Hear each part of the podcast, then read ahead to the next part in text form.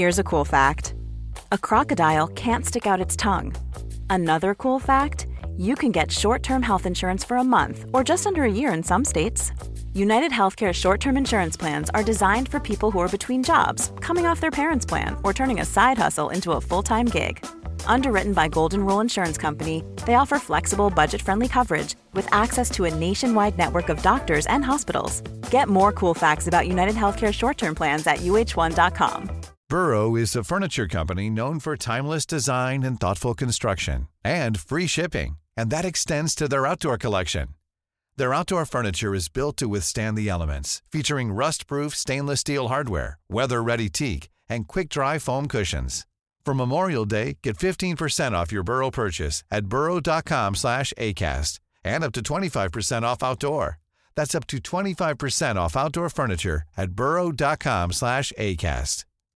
Millions of people have lost weight with personalized plans from Noom, like Evan, who can't stand salads and still lost 50 pounds. Salads, generally, for most people, are the easy button, right? For me, that wasn't an option. I never really was a salad guy. That's just not who I am. But Noom worked for me. Get your personalized plan today at Noom.com. Real Noom user compensated to provide their story. In four weeks, the typical Noom user can expect to lose one to two pounds per week. Individual results may vary.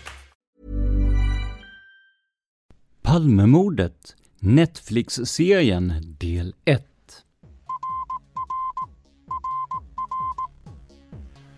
Sveriges statsminister Olof Palme är död. 90 000. Ja, det är mord på Sveavägen.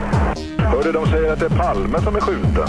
Mordvapnet med säkerhet är en Smith Wesson, en revolver kaliber .357. Inte ett svar. Finns inte ett svar. För jag har inget. Polisen söker en man i 35 till 40-årsåldern med mörkt hår och lång mörk rock. Välkomna till podden Palmemordet som idag görs av mig, Tobias Henriksson på PRS Media. Nyligen nådde vi en milstolpe i poddens historia, nämligen att vi sände det 300 avsnittet.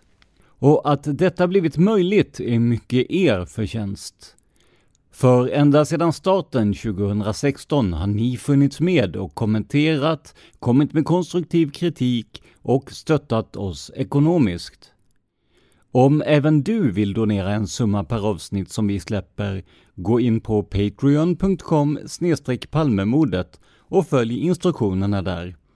Det är alltså patreon.com palmemodet. Om du hellre vill stötta oss via Swish så hittar du numret i avsnittsbeskrivningen. Stort tack för ditt stöd! När det här avsnittet spelades in i början av november 2021 hade Netflix precis släppt en serie om Palmemordet baserad på Thomas Petterssons bok Den osannolika mördaren. Serien har väckt stor uppmärksamhet framförallt i Sverige men även internationellt och har såväl hyllats som kritiserats av recensenterna. Idag ska vi prata om just den här serien och om vad såväl proffstyckare som Palmenördar tycker om den. Men först en kort sammanfattning. Skandiamannen, eller Stig Engström, har mer eller mindre hela tiden funnits med i utredningen som en slags skugga som sökt uppmärksamhet men som aldrig gått att sätta fingret på.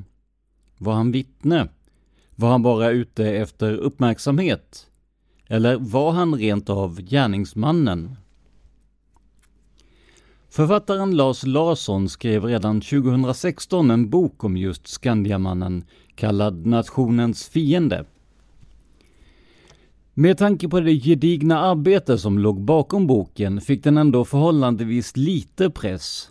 Men tack vare vår medarbetare David Lyning kom podden Palmemordet att bli en av dem som fick höra Larsson själv. För i avsnitt 57 fick vi nämligen återutsända de intervjuer som David tidigare gjort med intressanta personer. Bland dessa fanns Gösta Söderström, Lars Borgnäs och så även Lars Larsson.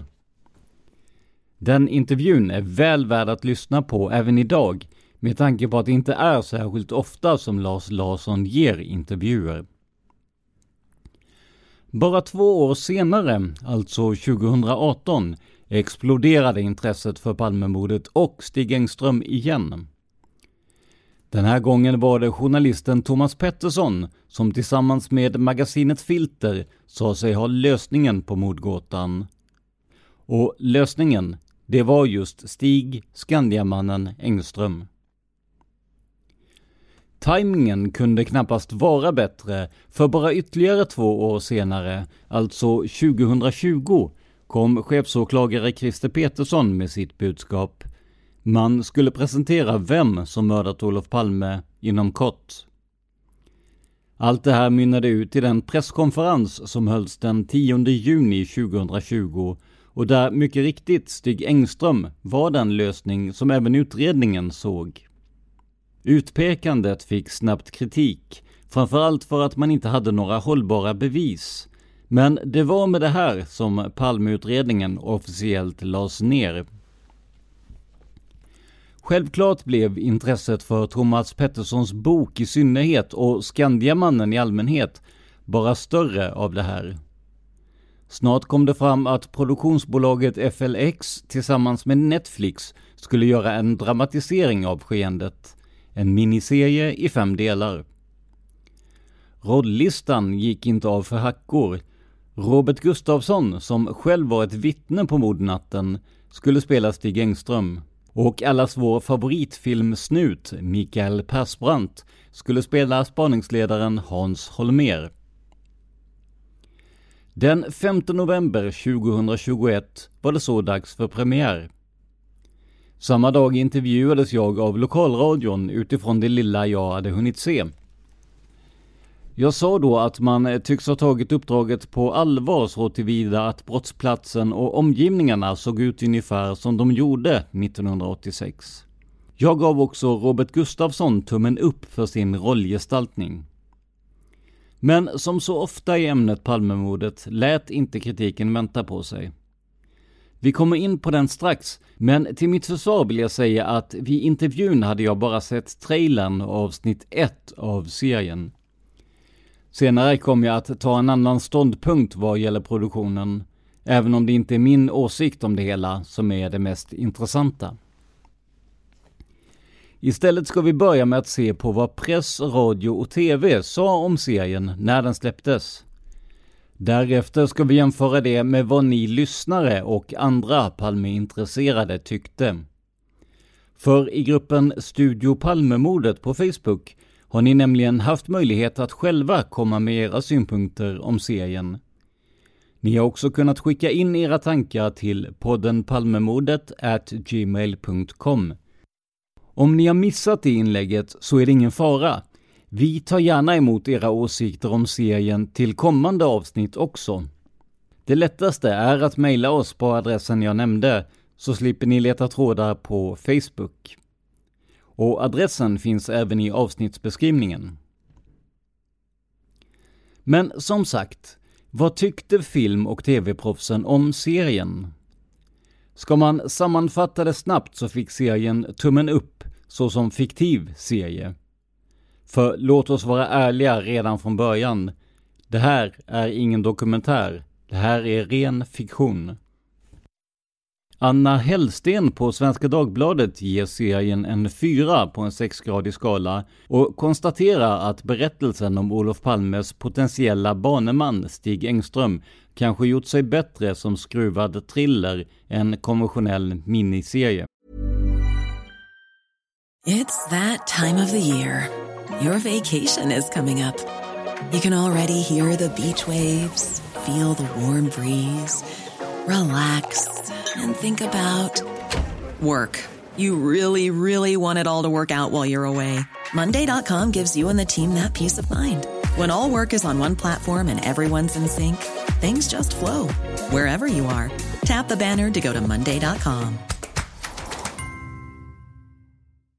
If you're looking for plump lips that last, you need to know about Juvederm lip fillers. With Juvederm Volbella XC and Juvederm Ultra XC, your lip look, whether it's subtle or bold, can last up to one full year with optimal treatment and no additional maintenance. Find a licensed specialist and see if it's right for you at juvederm.com today. That's J U V E D E R M.com. Add fullness to lips in adults over 21 with Juvederm Volbella XC or Juvederm Ultra XC. Do not use if you have severe allergies or a history of severe allergic reactions, or if you're allergic to lidocaine or the proteins used in Juvederm. Tell your doctor if you have a history of scarring or taking medicines that decrease the body's immune response or that can prolong bleeding. Common side effects include injection site redness, swelling, pain, tenderness, firmness, lumps, bumps, bruising, discoloration, or itching. As with all fillers, there's a rare risk of unintentional injection into a blood vessel, which can cause vision abnormalities, blindness, stroke, temporary scabs, or scarring. For full important safety information, visit juvederm.com. Millions of people have lost weight with personalized plans from Noom, like Evan, who can't stand salads and still lost 50 pounds. Salads, generally, for most people, are the easy button, right? For me, that wasn't an option. I never really was a salad guy. That's just not who I am. But Noom worked for me. Get your personalized plan today at Noom.com. Real Noom user compensated to provide their story. In four weeks, the typical new user can expect to lose one to two pounds per week. Individual results may vary.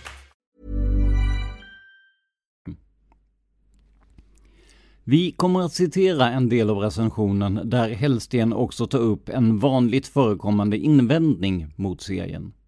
Citat. Serien växlar mellan tre spår. Närstudie av Engström, murvelromantisk film om filterredaktionen och studie av en episkt klantig polisutredning. Somliga kan säkert uppröras över det tydliga utpekandet av Engström, understruket av scener där Robert Gustafsson samlar nyhetsurklipp, kallsvettas, stirrar ondskefullt. Och då hjälper det inte att man har brasklappar med en textruta om att skulden inte är fastslagen. Engström själv skildras som en besynnerlig tönt, en stryktäck hackkyckling i ett gäng bridge-spelande Täby-moderater. Sköt han Palme för att stiga i status? Det antyds i alla fall. Bitvis är det väl mycket exposition över dialogen. Mest övertydligt när Mikael Persbrandt i startavsnittet slirar in som länspolismästare Hans Holmer, en självsäker herre som gillar jazz och sig själv. Som gammal Säpo-chef går jag rakt igenom sekretessen uppe på Säpo och journalisterna äter ur handen på mig, informerar han medan han provar kläder inför en stundande presskonferens. Senare fräser han att jag är inte ute efter en ensam galning, jag vill ha en konspiration. Varpå serien hintar att PKK-spåret bestämdes på en kafferast efter att man bollat andra tänkbara Palmehatare. Röda armé-fraktionen eller lite blandade nynazister. Slutcitat. Hellsten reflekterar också om att produktionen gärna fått lugna ner sig vad gäller bruket av masker och så kallade fatsuits. Hon menar att Robert Gustafssons gestaltning av Engström inte blivit ett dugg sämre av att han fått utgå från sitt eget ansikte. Citat. Samma sak med ögonbrynen och kransflinten som fästs på Persbrandts ansikte, för att inte tala om Jonas Malmsjös salt och peppar-peruk som drar tankarna till gubben i Pixar-filmen Upp, snarare än den drygt 50-årige Ingvar Carlsson. Slut citat. Carolina Fjällborg på Aftonbladet ger serien en fyra på en femgradig skala och ger lysande omdömen till Robert Gustafsson i rollen som Stig. Citat. Till en början är man upptagen med att titta på den fysiska förvandlingen, på de runda kinderna och dubbelhakan. Men väldigt snart börjar man lägga märke till och uppskatta detaljerna. Som hur han rör sig, för sig och pratar. Hans nervösa blickar och hans bittra osäkra uppsyn. Hans uppmärksamhetsbehov och klumpiga lögner. Gustafsson är förträfflig som sorglig figur i en mycket välgjord serie som återskapar turerna kring den största och mest variga mordutredningen i Sveriges historia. Samtidigt som den nystar med störst passion i det kuriösa fallet Engström själv. Slut citat. Även recensionssajten kritiker.se som samlar recensioner om specifika filmer uppmärksammar att serien fått höga betyg, ofta 4 av 5 eller 9 av 10. Genomgående är det noggrannheten med detaljer samt Robert Gustafssons rollprestation som hyllas. Men föga förvånande förekommer även kritik mot serien.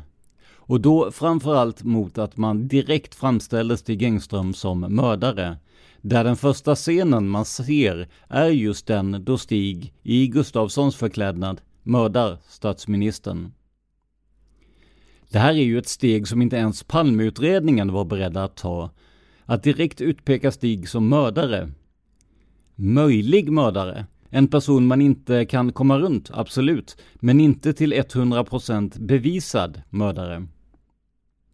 Gunnar Wall, som många gånger varit gäst i podden, skriver på sin blogg att han ännu inte sett hela serien och därför inte kan gå in i detalj på den. Men han betonar också att han inte tror på Stig Engström som mördare och att han inte instämmer i Christer Peterssons och Thomas Petterssons argument om Stig som mördare. På filmsajten imdb.com har många användare förvisso hyllat serien, men minst lika många påtalar att den påstådda mördaren inte är dömd eller ens knuten till dådet med någon slags övertygande bevisning.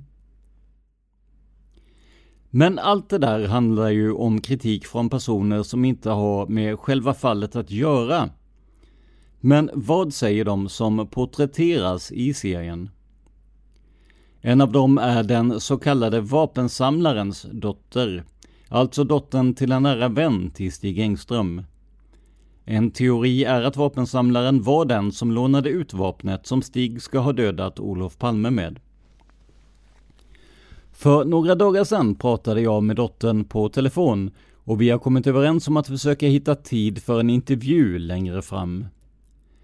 Men för att vi ska se hur en serie som Den osannolika mördaren kan drabba dem som själva var med om historien, ska vi redan nu se vad hon sa till Expressen om serien.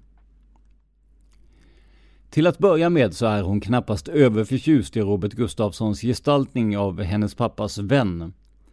Hon menar att den buttre, bortkomne typen som gestaltas är en nidbild och menar att det mer känns som en av Robert Gustafssons klassiska gubbar.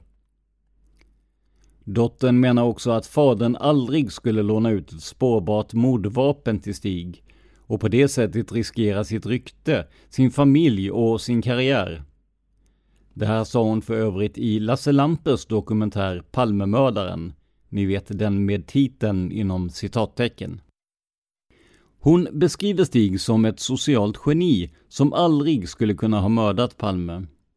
Boken av Thomas Pettersson, som filmen bygger på, kallar hon för en ren lögn. I telefonsamtal med mig säger hon också att man i serien har bakat ihop henne och hennes syster till en person och därmed fått att verka som att den dotter som framträtt mest i media faktiskt var på biografen Grand, när det i själva verket var hennes syster. Men vad tycker ni själva, ni som lyssnat på podden, kanske grottat ner er i dokument och vittnesutsagor? Vi ställde frågan på Facebook och fick en mängd svar. Här kommer ett urval av dem. Och är det så att ni vill kommentera de här styckena så är det bara att mejla oss. Adressen kommer i slutet av avsnittet igen. Alexander Grenehed skriver efter att ha sett Netflix-serien om Palmemordet och Skandiamannen. Jag tycker serien började bra och man känner igen många profiler då de lagt mycket krut på att göra personer lika som Skandiamannen, Ingvar Carlsson, Holmer, Tommy Lindström etc. Kul också med retrogrejerna. Det dåliga var dock att den tappade mot slutet. Segt sista avsnitt som handlade om SEs dåliga mående. Jag tyckte också att, som jag tror, de överdrev hans personlighet till det sämre. Jag tror att han var en trevlig social person. Det framgick inte, utan han sågs mer som ett kufiskt, tragiskt mobbingoffer. Hans fru var också hela tiden misstänksam mot honom som eventuell mördare och vapensamlarens dotter framställde dem som en snäll flicka som bara såg de goda sidorna av SE, vilket tillsammans gör att Filters version drogs till sin spets. Exempelvis Sista kontraktet och GVs En pilgrims död är betydligt mer trovärdiga och spännande. Serien får ändå tre rosor av fem av mig. Tack för det Alexander, och eh, det där med att Stig ska ha varit just ett mobbningsoffer, det slår vapensamlarens dotter bestämt ifrån sig när hon pratar med mig och menar att det hela var ett vanligt kamratgäng. Mikael Helgesson skriver Serien är en slags Sveriges och Palmemordets svar på JFK. Man tänjer ordentligt på sanningen för att kunna bevisa en tes. Här var det inte mindre än fem stycken Ä på rad. Men till skillnad från JFK betonas det med all önskvärd tydlighet att det hela bara är en teori. Serien bevisar således att Stig E är i högsta grad osannolik som Olof Palmes mördare. Tack för det Mikael. Vi går vidare till Sidney Ankes som skriver jag tycker både tajmingen och innehållet verkar vara till för att cementera idén, som i övrigt är helt befängd, om Skandiamannen som den ensamme galningen. Med risk för att låta helt folierad så dristar jag mig till att säga det skriker CIA. Det följer exakt samma dramaturgi, liturgi och storyline som till exempel Boston Marathon-bombningen och ett otal andra händelser med någon version av Magic Bullet i storyn. Serien syftar till att måla upp bilden av en man i mentalt och moraliskt förfall. En bild som inte någonsin tidigare framkommit, varken av polisiär eller medial utredning eller intervjuer. Jag förstår och delar familjens bestörtning över såväl berättelsen som porträttet. Skandal. Tack för det Sydney och eh, som man kan se i serien tycker Thomas Pettersson, eller i alla fall personen som spelar honom, också att det skriker CIA. Men den teorin tycks ha försvunnit ut i periferin till förmån för Stig. Och förresten, jag vet inte om Ankers är ditt riktiga efternamn eller inte, men om det är det och du är släkt med en annan person som förekom i en stor mordutredning på 1980-talet med samma efternamn, ja då får du gärna kontakta mig. Mailadressen finns i avsnittsbeskrivningen. Anders Bjurefors skriver Hej Tobbe! Hej själv Anders! Eh, jag tycker serien överlag är väldigt bra. Det är mycket detaljer som de har fått med, bland annat genom att de filmat på autentiska platser. Tycker också att de fått skådespelarna väldigt lika de personer som man vet hur de ser ut. Många tycker att produktionen missar en hel del detaljer och visst är det så. Men om man hade förväntningar att en kommersiell tv-produktion skulle ha lika mycket detaljkännedom som oss MOP-nördar, så kanske man var ute och seglade från början. Skandiamannen är verkligen inte något personligt favoritspår, men jag tycker inte heller att serien någonstans påstår att det som den visar skulle vara verklighetens sanning. Av mig får den fyra av fem havsörnar. Helt klart sevärd, bra skådespeleri och snygga scener, även om man avfärdar SE som gärningsman. Tack så mycket för det Anders. Och det är lite kul att se också i vilka olika, så att säga, valörer som ni ger betyg. Vi har haft allting från rosor till havsörnar så här långt. Alltid roligt. Eh, Martin Wahlberg står näst på tur. Jag tycker det kan vara intressant att höra er resonera om var gränsen går för när man får kalla något för fiktion. Man använder rätta namn på både nu levande och avlidna utan att de som kan får chans att kommentera. SEs hustru misstänkliggörs något och även vittnen framställs med tvivel, placeras på fel plats och så vidare. Tryckfrihet i all ära, men jag måste nog säga att jag, utan att ha på fötterna juridiskt, tycker att de gått över gränsen här. Och när det gäller själva mordhistorien, utredningen och så vidare, passerade serien förbi med en axelryckning. Och jag håller med om att det är väldigt spännande med vad som kan kallas fiktion och fortfarande baseras på en verklig händelse. Och precis som du så reagerade jag på att nästan alla personer som gestaltades gjorde det med sina rätta namn. Det innebär ju att vittnen, poliser och många andra som kanske velat lägga detta bakom sig nu riskerar att kontaktas igen, eller för första gången om namnen mot förmodan inte läckt ut tidigare. Jag tycker själv att det här var ett eh, onödigt grepp som inte tillförde serien något, mer än att man kunde lista ut vilket vittne som avsågs i olika dialoger. Marcus Poltorp är en mycket duktig person i Palmes sammanhang som jag tidigare haft nöjet att diskutera med. Han skriver Jag reagerade mycket negativt på den första episoden, men helt ärligt tog det sig sen. Det är okej okay underhållning. Några större priser lär inte delas ut, men filmen har inget med vare sig Stig Engström eller mordet på Olof Palme att göra. Det är bara ett ramverk. Det hade varit mycket bättre om man placerat handlingen i en annan tid, en annan plats och bytt namn på alla. Jag reagerar personligen inte alltför negativt på framställningen av Engström. Jag uppfattar det som så fjärran att några likheter knappast förekommer. Det går helt enkelt inte att ta på allvar och jag hoppas att allmänheten uppfattar det på samma sätt.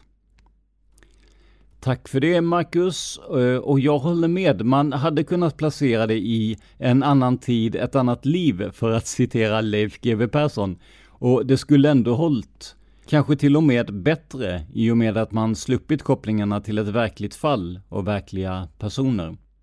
Du säger också något som är väldigt viktigt att komma ihåg och det är att det här är fiktion. Man baserar en serie på en bok som baseras på en utredning och ingen av de tre instanserna sitter inne med ett definitivt svar. Därför blir det lite som viskleken, där man har ett budskap från början, men det blir något helt annat efter att det viskats mellan ett antal personer. Här fastslår man att Engström mördade Olof Palme, men i fiktionens form. Självklart kan man bli irriterad på hur de framställer Stig, alltså som mördare, men de kommer troligen undan med att kalla det just fiktion. Men som rent drama med en annan och kanske påhittad mordhistoria hade det kanske funkat än bättre, som sagt. Nu över till Monica Andersson och innan vi citerar henne har jag en liten uppmaning. Om du är tjej, kvinna, dam, tant eller vad du väljer att kalla dig och intresserad av Palmemordet, posta gärna i grupperna, var gärna med i diskussionerna och såklart lyssna gärna på podden. När vi får in frågor är mellan 80 och 90 procent män, trots att den uppskattade könsfördelningen är runt 60-40 till männens fördel.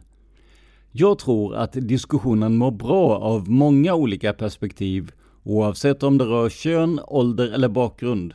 Så våga posta och våga fråga. Men som sagt, tillbaka till Monikas recension. Robert Gustafsson spelar bitvis väldigt bra och låter nästan exakt som Stig ibland. Bitvis tycker jag det blir mer parodi. Men serien hade varit bättre om den hade baserats på fakta och vittnesuppgifter istället för att klämma in en massa felaktiga uppgifter och vilda fantasier för att få Stig att passa in i pusslet, tycker jag. Men spännande och underhållande serie om man inte blandar ihop den med mordet på Olof Palme. Och väldigt oansvarigt att peka ut människor som lögnare eller medlöpare och mördare utan ett enda bevis. Stort tack för det Monica. Ja, Gustafssons prestation får ju ofta beröm och det tycker jag är med rätta. Han spelar ju bra, eh, i alla fall enligt en som inte träffat Stig i verkliga livet. Men som ni hörde tidigare tyckte dock vapensamlarens dotter att rollen blev för endimensionell. Faktum är att vi återkommer till de vilda fantasierna och de felaktiga uppgifterna, som Monica säger, strax. Men först ska vi över till Henrik Brodin som säger så här. Jag har nu sett hela serien. Förutom det osmakliga att hänga ut Stig Engström som gärningsman är det anmärkningsvärt om alla felaktigheter vid mordet. Till exempel 1. Att Stig Engström inte pratar med väktarna när han stämplat ut. 2. Att Anders B redan står och gömmer sig vid porten när Stig Engström närmar sig makarna Palme. 3. Att skottet avlossas från för långt håll. 4. Att mannen på David Bagares gata springer på fel sida av gatan. Tack för det Henrik. Eh, jag ska redan nu säga att det har varit en viss diskussion om punkt nummer två med Anders B där. Men det kan vi tills vidare i alla fall lämna därhän. Men visst finns det en hel del saker som inte stämmer med verkligheten i serien. En av de saker som jag märkte direkt var att det var ljust på en bild från den 28 februari som ska föreställa att vara tagen ungefär vid 17. Enligt astrofakta.se går solen ner klockan 17.14 i Stockholm den 28 februari. Vilket gör att det borde vara mörkt, eller i alla fall väldigt skumt på bilden därifrån. Men i serien var det fullt dagsljus. Och då har vi ändå inte nämnt de felaktigheter som finns i själva händelseförloppet. Expressen, Aftonbladet och Dagens ETC har alla tagit på sig uppgiften att eh, lista en del av de felaktigheter som framkommit i serien. Och vi ska strax titta på dessa. Men samtidigt ber jag er komma ihåg att det här inte är en dokumentär, vilket gör att skaparna av serien kan vara mer vårdslösa med fakta än vad man annars hade kunnat vara. Men visst hade man väl kunnat få fakta rätt och samtidigt gjort en bra serie? Eller vad tror ni? Vi börjar med Expressens sammanställning från den 7 november 2021. Artikeln är skriven av Mattis Wikström. Och i seriens första avsnitt så skildras hur Stig Engström desperat vill bli insläppt på sin arbetsplats efter mordet, alltså Skandia. Väl där trillar han över en matta i receptionen och får hjälp av två väktare. Men hur såg det då ut i verkligheten? Jo, i förhören med väktarna framgår visserligen att Stig Engström verkade skärrad när han återvände till Skandia. Men det finns inga uppgifter om att han föll ihop i receptionen. Hur var det då med den där rekonstruktionen som Stig Engström inte var med på? Ja, i serien ber Arne Ivell, alltså spaningschefen på Riksmordkommissionen, en av sina utredare att ringa Stig Engström och kalla honom till rekonstruktionen. Men utredaren, som inte tror på Engströms spåret, struntar helt enkelt i det. När Engström sedan får kännedom om rekonstruktionen så blir han upprörd. Men i verkligheten så nobbades Stig Engström från att medverka på rekonstruktionen. Och det här kan ni bland annat höra om i det beryktade inslaget från Rapport där Stig Engström medverkade. Det var ju också där man kan säga att han gjorde någon slags egen rekonstruktion och visade hur han påstår sig ha sprungit omkring vid brottsplatsen. Vi går vidare till ett styck psykologsamtal för i sista delen av serien, och också sista delen av Stig Engströms liv, så döms denne för grovt rattfylleri. Därefter tvingas han till samtal med en terapeut. Denne frågar om det finns något som Skandiamannen ångrar. Den där natten, jag, jag ville ju göra rätt, ställa allt till rätta, säger han i Netflix-serien. Terapeuten frågar, vad är det som du ångrar Stig? Engström tystnar. Tittarna leds att tro att han funderar på att erkänna Palmemordet. Till slut svarar Engström att han ångrar att han inte skällde ut poliserna på mordplatsen. Men hur såg det då ut i verkligheten? Ja, Expressen har tagit del av journaler från Stig Engströms sista tid i livet. Och det är inte någon vacker syn. Där finns bland annat uppgifter om att han haft flera vårdkontakter med tanke på sitt alkoholmissbruk. Att han dömdes för grovt rattfylleri 1997 är också riktigt. Men i det materialet som lämnats ut finns inga uppgifter om något terapisamtal. Framförallt inte om mordnatten. Men hur nära var det egentligen att Stig Engström greps i ett tidigt skede i utredningen? Ja, enligt serien var det ganska nära förestående. För parallellt med Hans Holmers konspirationsjakt leder Arne Evell en mindre spaningsgrupp som använder konventionella utredningsmetoder. Stig Engström är tidigt intressant inom gruppen och när Evell får reda på att Mårten Palme sett en man som matchar Engströms signalement säger han Jag tycker vi plockar in honom, alltså Engström. Precis då får Evel reda på att någon annan har gripits. Viktor Gunnarsson, den så kallade 33-åringen som gjort ett otal avsnitt om. Därför blir det aldrig av att Engström plockas in. Men det här stämmer inte på något sätt med verkligheten. För så vitt känt var Stig Engström aldrig högaktuell för ett gripande. Men som vi sa i förra påståendet så jagade Hans Holmér konspirationer. Och i serien blev det här väldigt tydligt. För att trots att bevisläget vid tidpunkten ser lovande ut mot eh, Viktor Gunnarsson så säger Hans Holmér jag är inte ute efter en ensam galning, jag vill ha en konspiration. 33-åringen, eller Viktor Gunnarsson, släpps ju senare och Arne Evell försöker uppmärksamma Hans Holmér på Stig Engström. Så här blir det ta mig fan alltid med stora utredningar. Man får inte bara tag på de skyldiga, man får även en massa jävla knäppskallar på halsen, svarar Holmér.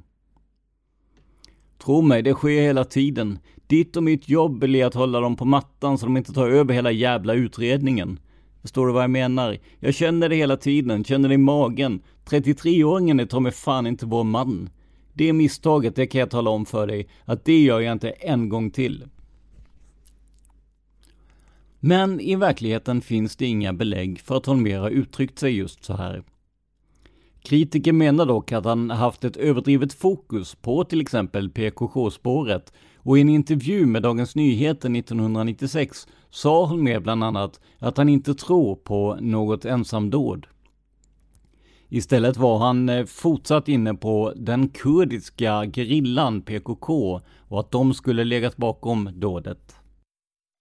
I tv-serien diskuterar Skandias utredare Per Häggström och Arne Ervell en teori där Stig Engström såg Olof Palme tre gånger under mordkvällen. Klockan 21 när paret Palme kom till biografen samtidigt som Stig Engström var ute och åt eller drack middag. Klockan 23 då en man som matchar Engströms signalement enligt Olof Palmes son Mårten stod och stirrade på sällskapet.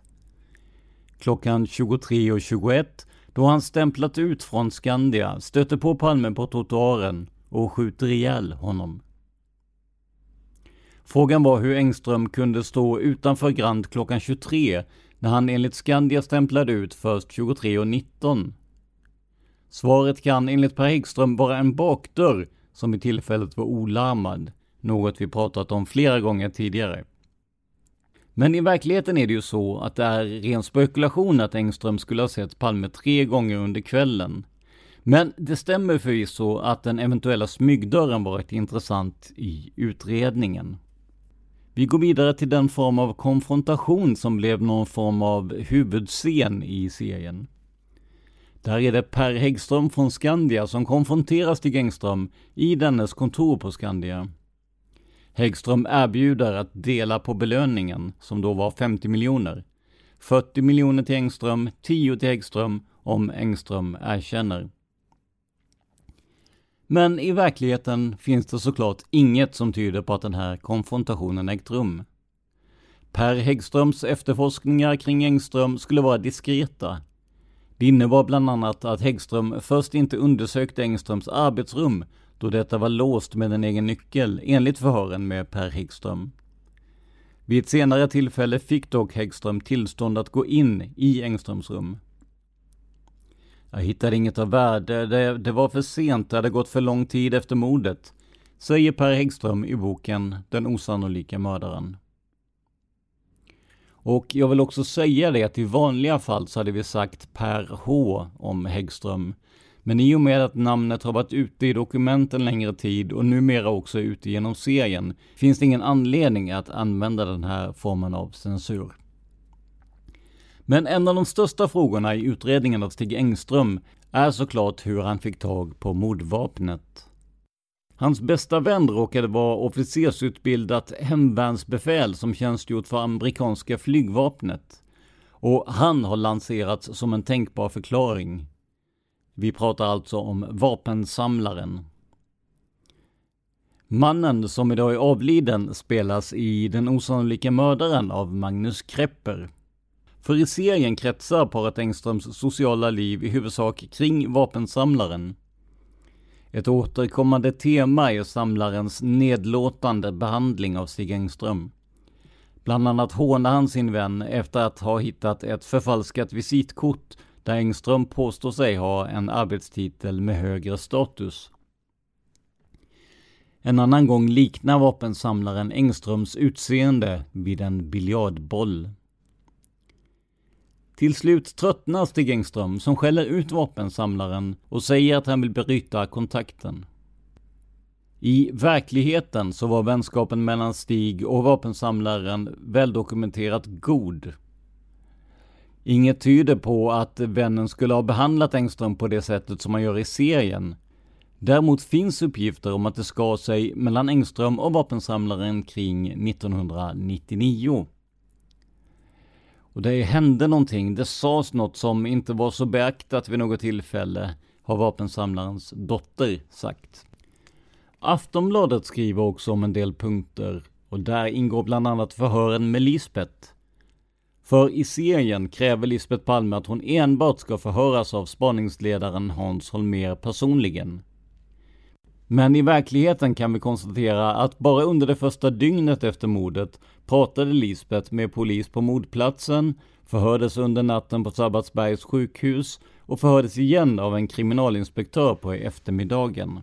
Men det här att hon inte ville att förhören skulle bandas för att hon var rädd för läckor, det vet vi ju sedan innan att det stämmer.